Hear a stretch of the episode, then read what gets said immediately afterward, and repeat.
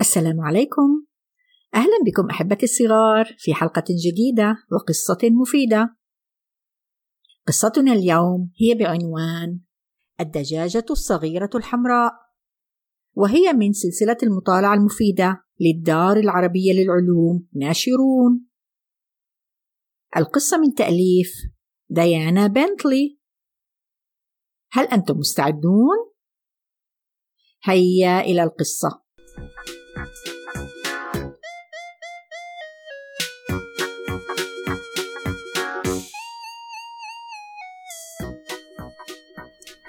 في قديم الزمان كان هناك دجاجة صغيرة حمراء.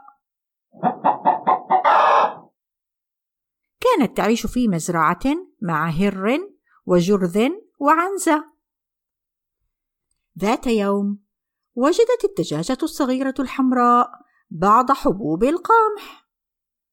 راحت تطلب مساعدة من الحيوانات الأخرى في المزرعة. قالت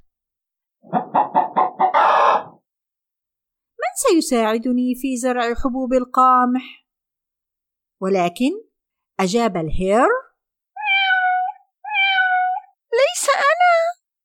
وأجاب الجرذ ليس أنا. وأجابت العنزة ليس أنا. لذا زرعت الدجاجة الصغيرة الحمراء حبوب القمح بنفسها وحدها. راقبت نباتات القمح تنمو أطول وأطول. سرعان ما أصبحت نباتات القمح جاهزة للحصاد. راحت الدجاجة الصغيرة الحمراء تطلب مساعدة من الحيوانات في المزرعة. قالت من سيساعدني في حصاد نباتات القمح؟ ولكن أجاب الهير ليس أنا. وأجاب الجرذ ليس أنا. وأجابت العنزة. ليس أنا. لذا حصدت الدجاجة الصغيرة الحمراء نباتات القمح بنفسها وحدها. بعد إذن أصبح القمح جاهزا ليؤخذ إلى الطاحون ليصير طحينا. راحت الدجاجة الصغيرة الحمراء تطلب مساعدة من الحيوانات الأخرى. قالت: من سيساعدني في أخذ القمح إلى الطاحونة؟ ولكن أجاب الهير: ليس أنا وأجاب الجرذ ليس أنا وأجابت العنزة ليس أنا لذا أخذت الدجاجة الصغيرة الحمراء القمح إلى المطحنة بنفسها وحدها. وفي المطحنة جعل الطحان القمح طحينا. أصبح الطحين الآن جاهزا ليصنع منه خبزا. راحت الدجاجة الصغيرة الحمراء تطلب مساعدة من الحيوانات الأخرى. قالت: من سيساعدني في صنع الخبز؟ ولكن أجاب الهير: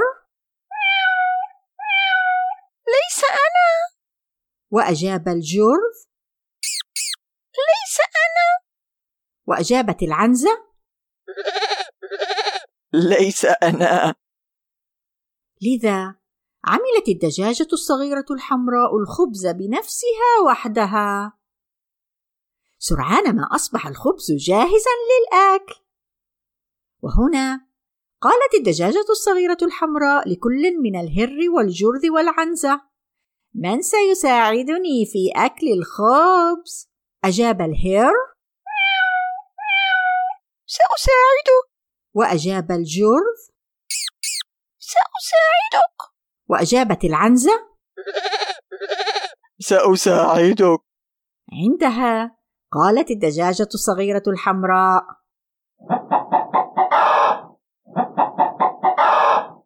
كلا كلا. أنتم لم تساعدوني في زرع حبوب القمح. أنتم لم تساعدوني في حصد القمح. أنتم لم تساعدوني في أخذ القمح إلى المطحنة. وأنتم لم تساعدوني في صنع الخبز. لذا سوف آكله أنا وحدي. وأكلت الدجاجة الصغيرة الحمراء الخبز وحدها. وكان لذيذا. يم يم.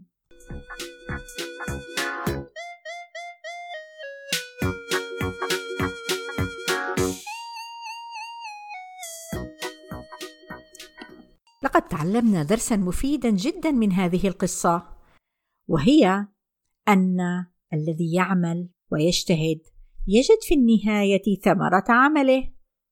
وكما قيل من جد وجد ومن زرع حصد ومن سار على الدرب وصل.